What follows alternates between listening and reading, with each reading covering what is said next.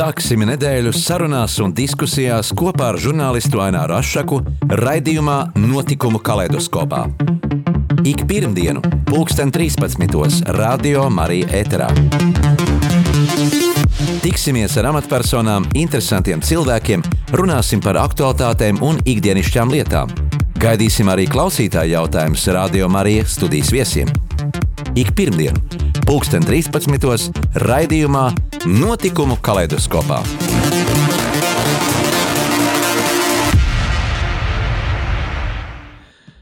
Esiet sveicināti, cienījamie radioklausītāji! Katram no mums ir savs dzīves ceļš un dzīves stāsts. Mēs katrs šajā pasaulē esam oriģināli un neatkārtojami. Vai tās ir dzīves sakritības, vai tas ir dieva virzītais ceļš, par to mēģināsim rast atbildes sarunā ar mūsu šīsdienas viesi Anitu Lasmani. Sveicināti, Anita! Labdien! Uh, ir rudens, ir rudens noskaņas, un aizvadīta ir uh, gara saulaina vasara, un ārā šis uh, drēgnums sāk parādīties. Un, un, un, un kā tu pati jūties šajā laikā? Brīnišķīgi! Tiešām brīnišķīgi. Ir tādas emocijas, ja kaut kādas emocijas mainās. visu laiku ir neatkarīgi no gada laikiem, ir emocijas. Nevar jau dzīvot. Uh, tikai paskatoties saules spīdu un foršas emocijas. Mm. Dzīve ir dzīve. Jā, mm, kāds ir tavs dzīves stāsts un dzīves ceļš, kā jau ievadā minēja, katram no mums ir, tas ir uh, neatkārtojams, oriģināls, un uh, mēs šīs pasaules esam tikai, nu, kā personības. Kā, kā, kādas atmiņas tev nu, par savu dzīves stāstu sākumu? Nu, es esmu dzimusi vienkārši cilvēku ģimenē. Mani senči bija zemnieki. Cik es zinu, tad uh, gāju skolā, neklausīju māti. Nu, kā visi bērni, kā visi bērni, nepatika mācīties. Protams, es nebiju teicamnieks skolā. Protams, ar tagad šo apziņu jau tu esi cits cilvēks. Ja? Bija blēņas, bija daudz. Kā jau es teicu, māma neklausīja. Tāda karstgalve. Vienīgā man nav ne brāļa, ne māsas. Bet tajā laikā jau nebija telefona, tajā laikā vecāki nevarēja izvaktēt bērnus. Tas bija tāds sarežģītāks laiks nu, vecākiem. Kā jau jā, var, varētu tā teikt. Bet tajā pašā laikā tas bija ļoti jauks laiks īstenībā. Ja vēl vakar es prasīju vienam jaunam cilvēkam, 32 gadīgam, kāpēc viņam ir tāda tik daudz noliegumu, noliegumu formas, negatīvisms. Un tad viņš man teica tā, Nu, saprotu, no 12, 14 gadiem es jau sāku strādāt. Es teicu, nu, un tad es arī strādāju no 14 gadiem. Un kas tad ir? Bet tas taču ir burvīgi, jo tas darbs tev iemācīja to stiprumu, deva to spēku, dzīves pieredzi. Tas viss taču ir interesanti īstenībā. -hmm. Un, un kāds ir tev ši, šodien šis pozitīvisms, kā tu šajā negatīvismā visā pasaulē, kas notiek notikuma apkārt, kas vairāk nu, cilvēku sarūktina un apbēdina, kā tu spēj sevi koncentrēt uz pozitīvo? Kā es spēju? Mm, mēģinu sameklēt uh, katrā lietā, kas ir negatīva, to pozitīvo. Nu, piem, nu, piemēram, uh, salaužu, salaužu kāju, uh, slikti, negatīvi. Jāsāk sēdz uzskaitīt visus mīnus, nevarēs strādāt. Tātad, jā. Uh, kā pašnodarbināta persona, tas ir mīnus. Jā. Uh, vienlaicīgi arī tā kā tajā momentā teiksim, nācās mainīt telpas, atkal likās mīnus, bet tajā pašā laikā tu sakārto medicīniski dokumentus, tu saņēmi, par cik es apdrošināts naudu mhm. kaut kādu, ja? un uh, tik pie telpām, kuras īstenībā, tad, kad tu sāki savu pašnodarbinātā darbību, uh, Tu tiki pie telpām, kuras tu biji jau noskatījis un gribēji sākotnēji, bet uh, nebija pārliecības, vai tu to varēsi pavilkt materiālā ziņā. Ja? Nu, brīnišķīgi. Nu, mm. Daudz pozitīvas lietas īstenībā notika ar vienu lietu, kad tu salauzi kāju. Vai ja? tavuprāt, tās ir tādas sakritības, vai tas jau viss ir cilvēkā ieprogrammēts, šis, šis notikums vai šī situācija, atgadījums, kas ir noticis? Es domāju, ka uh, ir tāds teiciens, viens durvis aizvers, cits atvers. Ja? Un uh, par cik es galvā jau pirms tam arī tā kā tā bailīgi, bet tomēr bija pārdomājis to telpu mājiņu. Nu, es uzskatu, tā man divas tā kā uzsita pa dibenu, nu, ka tu nevari izlemt, nevari saņemties. Nu, tad uh, gal galā savādāk bija tev jāpabīd pa to ceļu. Ir, jā? Nu, man, man tā šķiet. jā. Ko šodien nozīmē būt juristam? Vai tu esi jau saskārusies ar šīs profesijas? Tiksim? Ēnas pusēm un, un, un pozitīvām pusēm. Man ir diezgan daudz liela darba pieredzes. Es strādāju PSRS laikā, tas bija par tiesu izpildītāju. Pēc tam jau brīvās Latvijas laikā es strādāju arī centrāla cietumā, gan kā medmās. Un vēl pēc tam es strādāju tiesā kā civilietu kanclers vadītāja un arī kā tiesneša palīgs. Jā, vai tu esi pamanījusi arī sastopot šos cilvēkus, varbūt pēc tam, uh, jau kas ir aizgājuši dzīvē pēc nu, šīm labošanas iestādēm, ka viņi ir tomēr mainījušies?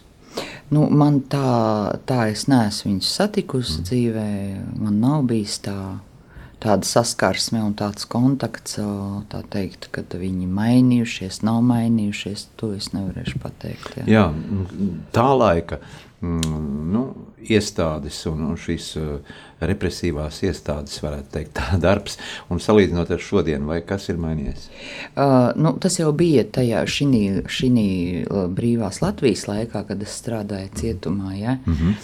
mm, kas ir mainījies? Nu, Es zinu, no tajā darbinieki, kas tur strādājuši jau ļoti ilgu laiku, jā, tad, kad es tur nokļuvu, tur notika rekonstrukcija, telpu un kameru, nu vispār to ēku rekonstrukcijas. Jā, kameras tika uzlabotas. Jo, jā, jā, jā, jā, jā. Tā kā es esmu tajā veiksmīgā posmā, jo, kā man stāstīja, cilvēki, pa 40 cilvēkiem sēdējuši kamerās, žurks vispār pa kāju virsmu ir skraidījuši brīvā formā. Jā.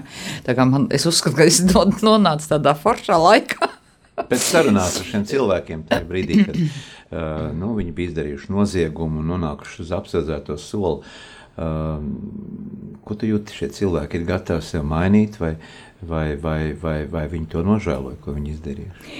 Ziniet, uh, ir tāda interesanta lieta ar visiem tiem cilvēkiem, ar kuriem tu parunā, no tiem cilvēkiem, ar kuriem tu runā, uh, tad uh, Pirmām kārtām pajautā viņiem, nu, kas ir iemesls, kāpēc tu te sēdi. Ja? Kāpēc tu te esi? Nu, tie ir cilvēcīgi, nevis nosodot. Uh, vienmēr atbild ir pie visvainīgas sievietes.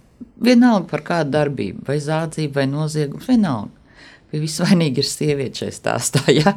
Var jau būt kaut kāda taisnība. No vīriešu skatījuma. No vīriešu skatījuma, jā. Var jau būt, ja tā padomā, kas audzina sievieti dēlu. Ja? Jā, dēlu, nu, ģimene pamatā sieviete tā ir. Ja? Nu, pēc tam jau tālāk, ja viņam tur sieva vai mīļākā, no ja tu sazini, kā tur tā dzīve ir grozījusies. Ja? It kā no vienas puses ir smieklīgi dzirdēt šo atbildi. Ja? A, nu, tradicionāli pie visu vainīgu sievieti. Ja? Bet, Bet, ja padomā dziļāk, jā, nu kaut kur jau savu daļu taisnības ir tam cilvēkam. Ja? Bet tā ir ļoti laba psiholoģijas skola, to, ko tu iegūsti. Mm, strādājot šai iestādē, tu neiegūsi praktiskā ziņā, tu neiegūsi nevienā mm, psiholoģijas kursā, lekcijā, skolā, sauc kā to gribi. Ja? Nekur. 90. gados arī Latvijas valsts prezidents izsludināja moratoriju par to, ka nāves sots vairs netiks piespriests, un tas tiek aizstāts ar mūža ieslodzījumu. Un tad bija ļoti liels diskusijas, atceros par to. Mm, daudz uzskatīja, jā, ka uh, tomēr, tomēr šis sots. Uh, ir vajadzīgs, un liela daļa sabiedrības gribēja mainīties un, un pateikt, ka jā, ne jau nāves sots kaut ko mainīs. Jūs gribat manu viedokli jā, par šo tēmu? nu, te varētu būt divējādi. Jo, piemēram, ja es kā sieviete, kā māte, uh, nu, par izvarošanu, piemēram, ja, ja tas skartu, nedod Dievs, manus bērnus, mm -hmm es noteikti būtu par.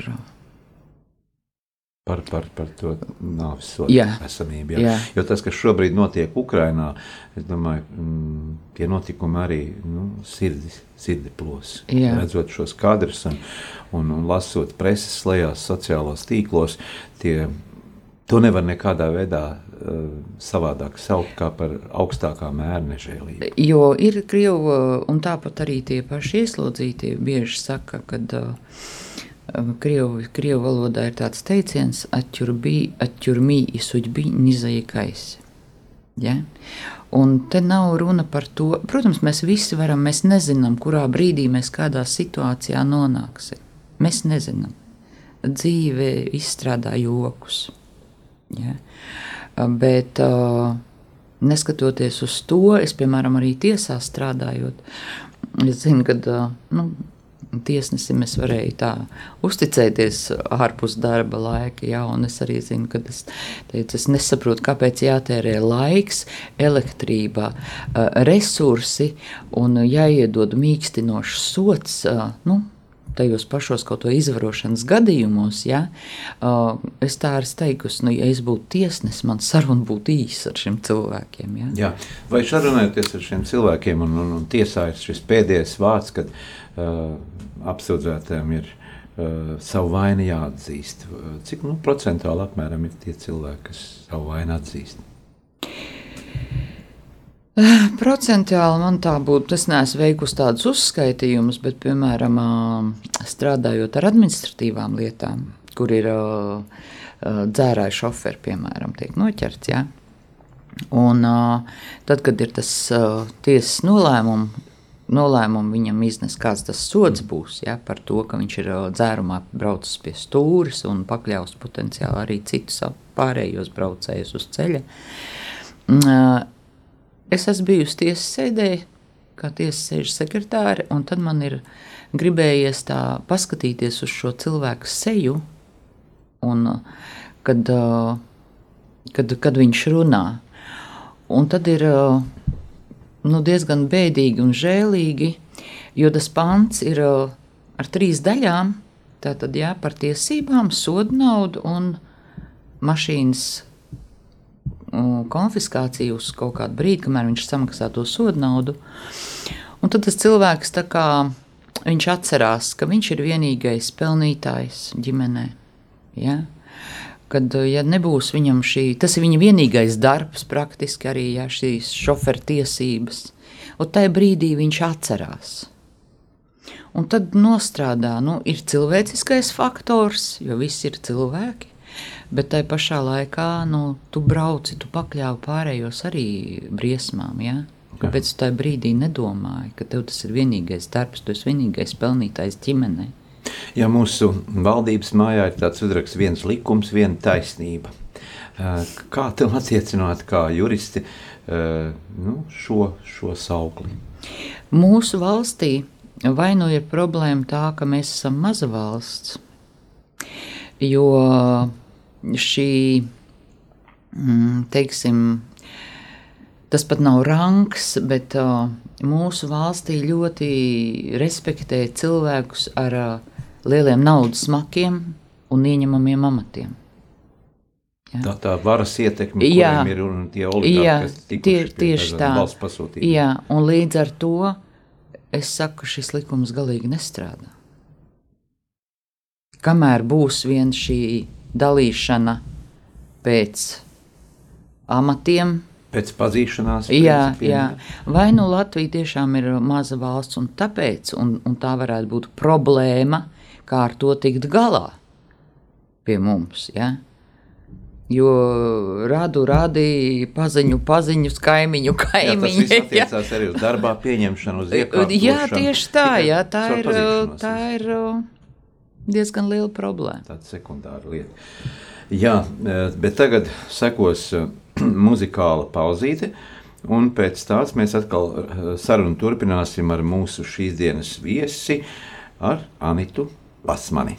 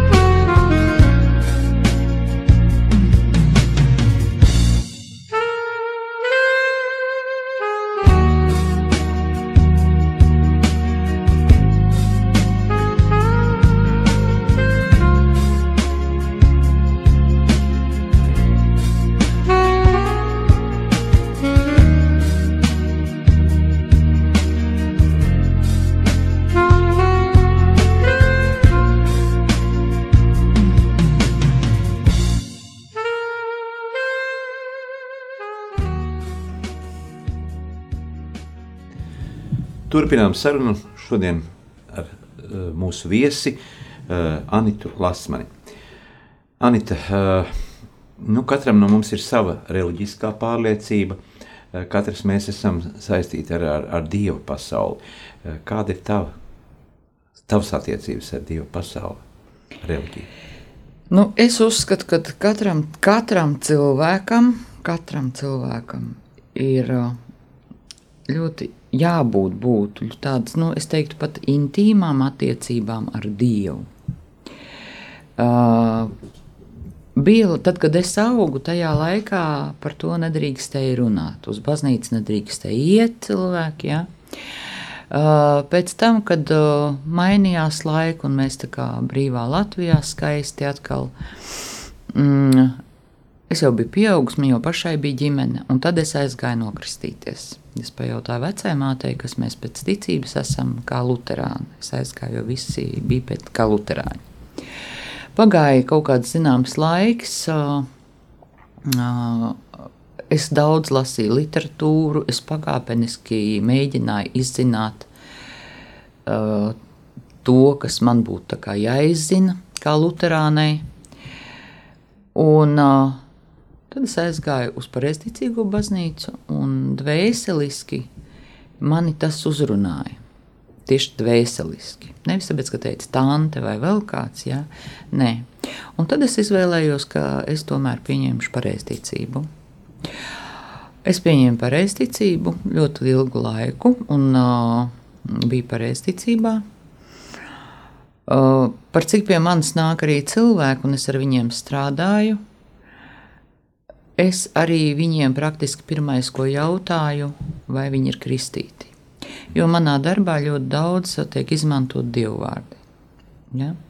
Un tas ir būtiski. Un es arī pamatoju to, ka Kaut arī cilvēks, nu, kā lai saka, ir cilvēki, kas viņi nav kristīti, viņi saka, viņiem, viņi tic pagānismam. Ja? Uh, bet, lai kā mēs nesauktu lietas, viss tomēr sākas no dieva. Ja? Uh, tu vari sevi saukt kā gribi un domāt, kā tu gribi. Protams, neviens to neliedz. Tavuprāt, tas pagāns, kas sevi uz, uzskata par pagānu, viņš pat neapzinās tomēr arī uh, nu, eh, viņš to. Nu, viss sākas jā, no Dieva. Viss no Dieva. Ja?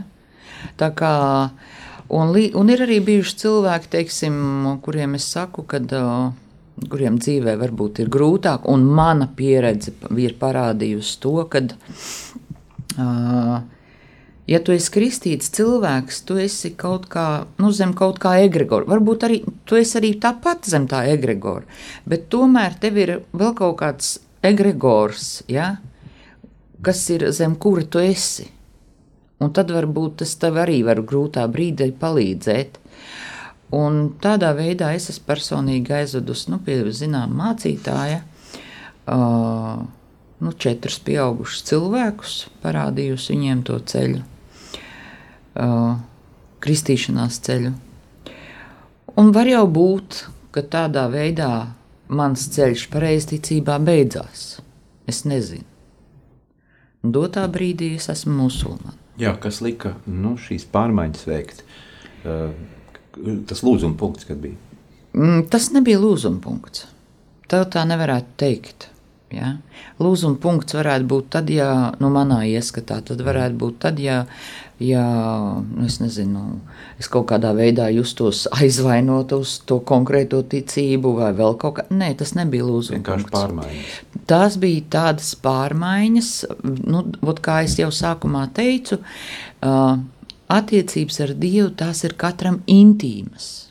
Ja? Un ir kaut kāds periods, kaut kas tev iekšā, nu, kaut kas tevi vada, ka tev ir jāizdara tā Ja, ka tev ir jāiet tā. Bet latviešiem tā uh, sava mentalitāte, kā var ielausties uh, šajā, šajā islāma ticībā.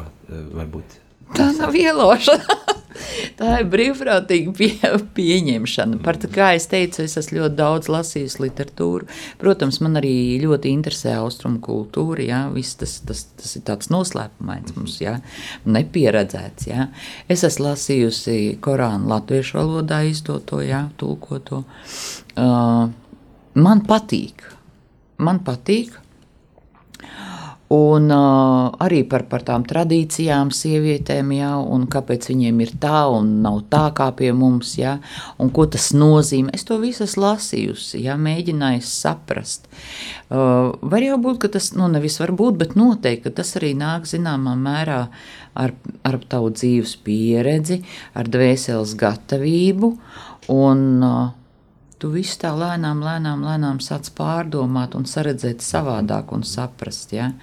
Un pie mums Latvijā nemaz tik vienkārši arī nevar, teiksim, uh, nu, tas ceļš uz to islāmu nemaz tik viegli nav atrast, jo mm, tad, kad es mēģinu, kad es iekšēji sapratu, ka es gribu, es esmu gatava pieņemt uh, islāmu, tad uh, mēģināju atrast tās durvis, kurās pieklauvēt, uh, Un tas arī nenotika vienas dienas laikā. Tā es pamodos, šodien būšu musulmane. Nē, nē tā nē, tā arī nav.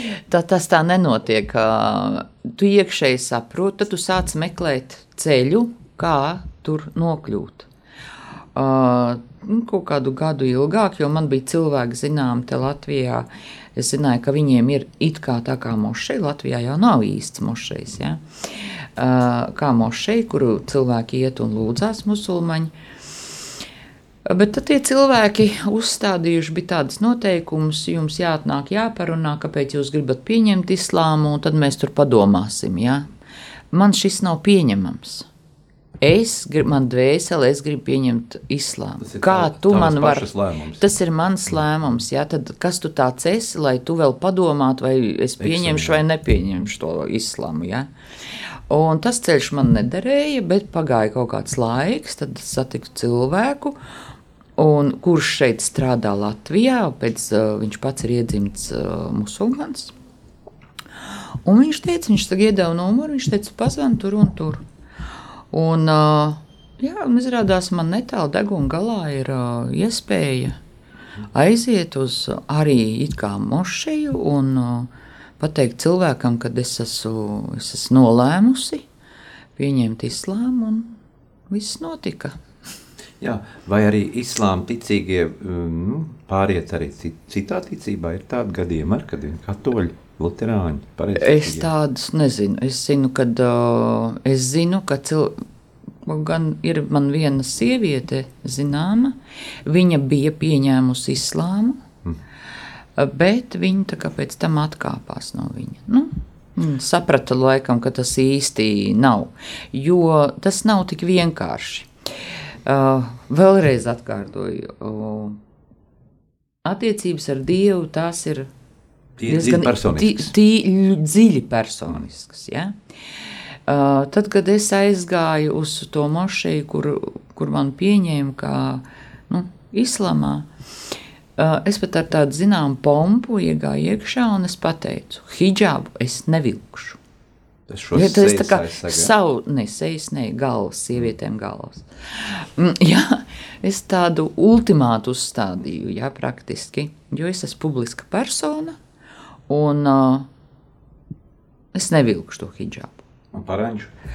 Uh, Nu, te tā, teiksim, sievietei ir vajadzētu būt, kā viņa cenšas šeit saglabāt tās, tās uh, dziļās islāma tradīcijas, kad sievietei jānosedz mati, ķermeņa daļas nedrīkst būt redzamas, jā, izņemot seju tur un plaukstas un garās klētas līdz potītēm.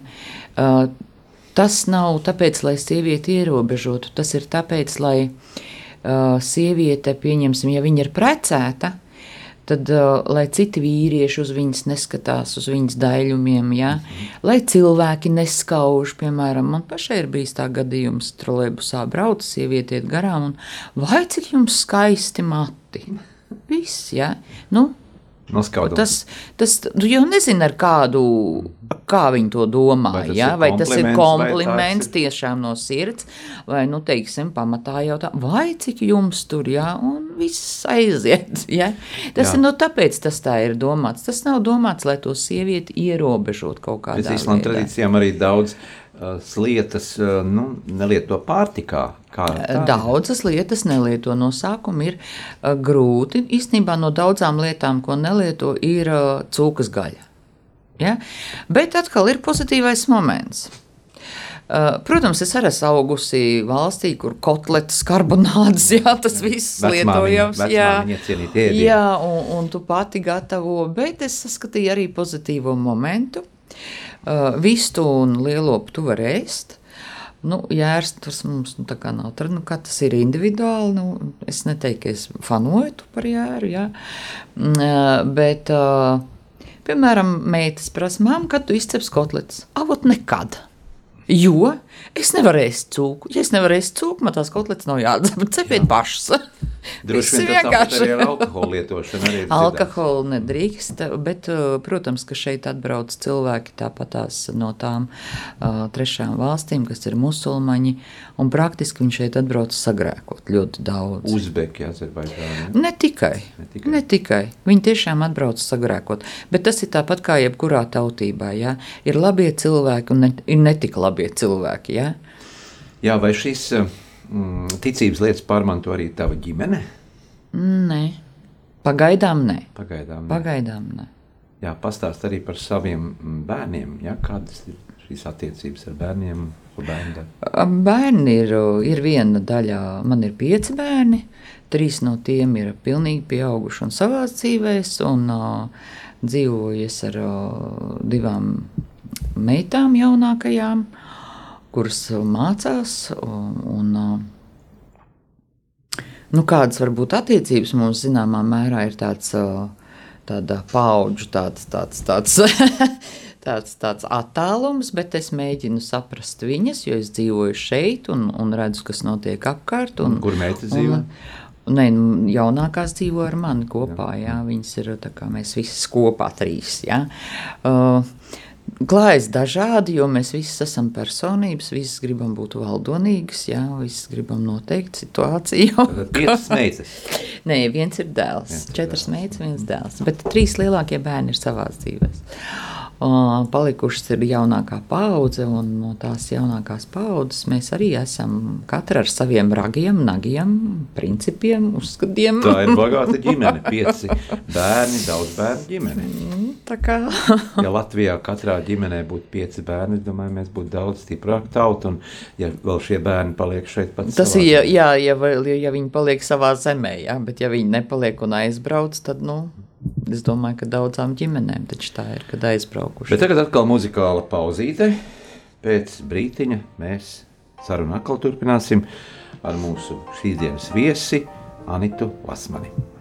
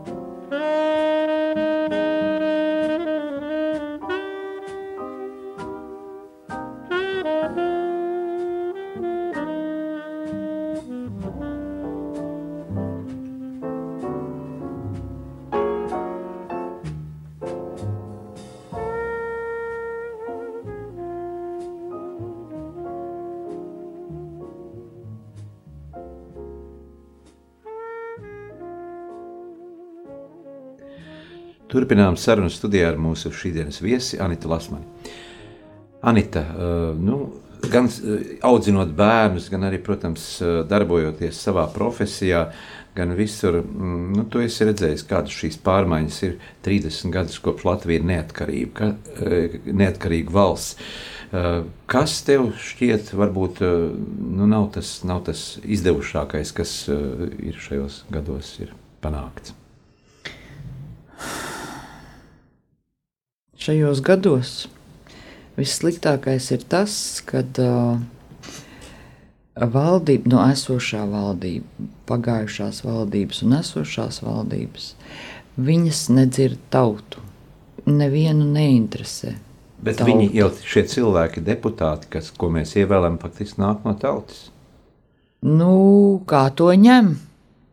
Ja es internet, nu, pieņemsim, ja es internetā paskatos, jā, esošo deputātu darba dzīves pieredzes, es teiktu, viņiem ir tālu, lai saprastu tautas reālo dzīvi. Nu, varbūt tie, kas ir šajā saimā bijuši vairākas sasaukums, tur bija daži deputāti, kas nu, tiešām tur 30 gadus ir. Ir. Ja, es uzskatu, ka uh, tie cilvēki, kuriem tā darba pieredze nu, nav bijusi caur reālo darbu, viņš arī nu, pēc principa pāēdušais nēdušo nekad nesapratīs. Ja? Jo pirmām kārtām, uh, nu, piemēram, es Es uh, savā laikā, vēl strādājot tiesā, uztaisīju tādu aptauju. Uh, sākot ar kolēģiem, pēc tam izlaidu, aizsūtīju uz, ir tāds saits, vismaz bija mamām un tētiem, aizsūtīju uz turieni šo aptauju par tēmu, kādas ir cilvēku ieskatā ģimenei ar bērniem iespējas ceļot, ja nav privātā transporta. Sadzīvisks, praktisks jautājums. Jā, nu šobrīd daudzas autobusu Uh, autobusu maršruti jau ir slēgti un vilcieni nekursē vairs. Jā, tieši tā, jā. Un, protams, ja pie, pieci bērni, mums jau arī nav šāda transporta. Pat ja tev ir divi bērni. Piecas vietas tikai. Ja? Pat ja ir divi bērni, tad kādas ir iespējas ceļot tepat pa Latviju? Tā, ja ņem. Ja, ja ir tāda normāla ģimene, nav miljonāri, nav biznesmeņi, ja, tad kā, kādas ir iespējas? Mm. Piemēram, nu, piemēram, māma ar diviem bērniem viena. Ja? Vai arī ir ģimenes, kur ir abi vecāki un divi bērni. Nu, kādas ir iespējas? Cik daudz Latvijā vecāku, kuriem ir bērni, var uztaisīt lielus uzkrājumus, teiksim, bankās, ja? vai, vai vienalga kur? Nu, cik ir tādi, ja? ja tā paņem? Es domāju, ja mēs paskatāmies, sameklējam reālās atbildes uz šiem jautājumiem, divi elementāri jautājumi, tad mums viss ir skaidrs. Jā, ir cilvēki bieži nu, dzīvē saka, es, man nav laika, uh, lai to izdarītu, lai to izdarītu, un, un steiga. Bet tomēr, ja tev ir pieci bērni, jā, un viņi ir jāizaudzina, kā tu to spēj izdarīt? Apvienot darbu, audzināt bērnus, skolot bērnus un viss, lai panāktu, lai viņi gūtu sev ceļu dzīvēm. Ne, nu, nekas, jau vie, nekas jau viegli nav bijis, nav gājis. Ir bijušas savas grūtības arī tajā periodā, un, un esošā, kā man pieņemsim attiecībā uz divām jaunākām meitām, nu, kad tev tiešām ir darbs, un tad tu vēl papildus skrien, papildus piestrādāt, jo tas nav noslēpums, lai mūsu valstī izaudzinātu bērnu, kaut vai viņi ir divi, ja, vai, vai viens, nu, tev nepietiek ar, tev, ar to valsts algu, tev nepietiek vienkārši, ja tu nevari izstiept nekā, stiep kā gribi, tad tu meklē papildus iespējas vēl kur piestrādāt, ja, nu, tagad ir, paldies Dievam, tie telefonu laiki, ja, un tu man viens cilvēks teica, interesanti, audzina bērns pa telefonu, bet nav varianti. Ja? Nav varianti. Nu, šodien mēs stāvam tādā um, neziņas priekšā uh, par enerģētikas resursiem, par to, kā mēs samaksāsim par uh, dzīvokli, elektrību, gāzi. Un, uh, tas, protams, kas atrauc daudz. Uh, kāds būtu tavs risinājums, ja, piemēram, tu nokļūtu valdībā? Ja es nokļūtu valdībā, Nu, attiecībā par gāzi un elektrību es domāju, ka ir ļoti daudz, nevis es domāju, es arī zinu, ir ļoti daudz gudri, gudri vīrieši, kas spēj šo jautājumu arī izsināt. Es droši vien slēptos aiz viņa mugurām, uzklausīt viņa padomus, jā, lai atrastu šo. Jo man kā sievietei par elektrību un gāzi diez vai tur varētu būt, jā, bet principā, kā es pati kā cilvēks varbūt uz to, nu, es nesēžu, es netrīcu. Ja? Uh, naivi skanējis, paļaujos uz Dievu, paļaujos uz sevi, uz darbu, uz to, ka man ir iedota galva, man ir rokas, man ir kājas, man, paldies Dievam, tiešām ir uh, viss, lai es uh, rastu risinājumus, kā ar to tikt galā. Jo zināmā mērā, atkal jāmeklē pozitīvo, šī valdība, kāda viņa ir, īstenībā viņa liek cilvēkam būt elastīgam. Viņa neļauj iesūnot. Jo tev visu laiku ir jādomā, kā tu tiks galā ar to, šito un vēl kaut ko. ja? Tev ir jādara, tev nav varianti. Tu vienkārši tu nedrīkst. Ir diemžēl cilvēki, kuri ļoti pakļaujās tam mobbingam. Valdība spekulē. Viņa spekulē uz to, ka cilvēkus, vismaz latviešus, mēs dzīvojam kaut kādā Spānijā, Grieķijā, šitā valdība sen būtu aizlidojusi jau no krēsliem. Te nebūtu tāds klusums. Mēs, mūsu mentalitāte ir Jā, nu, lēna. Mēs esam nenormāli. Mums aktualizējās streiku kustības, mediķi, izglītības darbinieki tur uh, pulcējās. Tie, man liekas, ir tādi āķīši pēc. Ja? Kāpēc tieši skolotāji? Es saprotu, ka skolotājiem arī bija pirms tam, bet kāpēc tieši pirms vēlēšanām pēkšņi skolotāji būtu pamodušies atkal jā, no kaut kādas agonijas un, un nāksim tagad streikot. Jā. Saņem kaut kādas mistiskas solījumus. Jā, jā, jā, jā. Un, un mediķi tas, tas tāds zināmā mērā jau jājam zirdziņš, jā, kas ir savstarpēji sasaistīts. Ja būtu tāds rītīgs skolotāji, no visu skolotāju nostāju, kā ir Vācijā, kā ir vēl citās valstīs, ja viss iestāde organizācija nestrādā, vai tas ir uh, saistīts ar. Uh, ar, ar lidojumiem, ja viss, vai tie ir tas ir vilcienkus, viņi kad slēdz, kad iet streikot, viss nekas nenotiek. Kas te notiek? Skolotājiem skolas nestrādās. Kas notiek? Ah, vah, kā tas bērns tagad to dienas vielu apgūs? Vecāki ja? nevarēs iet darbā, ja vecāki nevarēs iet, ja tā vesela ķēde. Tajās valstīs neviens nereiķinās, ka kāds, tas, ja vilciena apstājās un nekursēs, Tur neviens neuztraucās par to, ja, kā tu tiks uz darbu. Jo tiem cilvēkiem, kas tur strādā, vajag dzīvot šodien, tagad. Bet manā ieskatā, um, ziniet, kā es vakar sēdēju, tieši vakar es sēdēju un es domāju tā. Valdība ir gans, tauta ir aitas. Gans, gana aitas loģiski. Uh, nepatīk. Nevienmēr visos ganāmpulkos kāda aita iet, vis, nu, visas aitas ir nepaklausīgās. Ir nepaklausīgās aitas. Ja? Es laikam es tā nepaklausu. Nu, es esmu dumpinieciská aita. Vispār caurmērā. Es zinu, ka es daudziem tāpēc arī nepatīk nesērt, jo es esmu dumpinieciská aita. Uh, nu, tādas aitas parasti jau gan ko viņš saper kaut kādā veidā. Bet nonākot pie šī secinājuma, kāpēc valdībai nav izdevīgi dotā brīdī uh, teiksim, skatīt nodokļu, pārskatīt nodokļu sistēmu? Tāpēc, ka tām aitām iedos 10, 20 eiro pabalstu. Ja? Notērēs pabalstu, bet pievienotā vērtība netiek radīta. Un tie nodokļīši tur, mm -hmm. kā tās aitas maksāja, tā turpinās maksāt. Ja? Nu, tas ir. Es nesaku, ka nevajag, ja, bet tā nav, nu, tā nav īstenībā. Tas neko nepalīdz.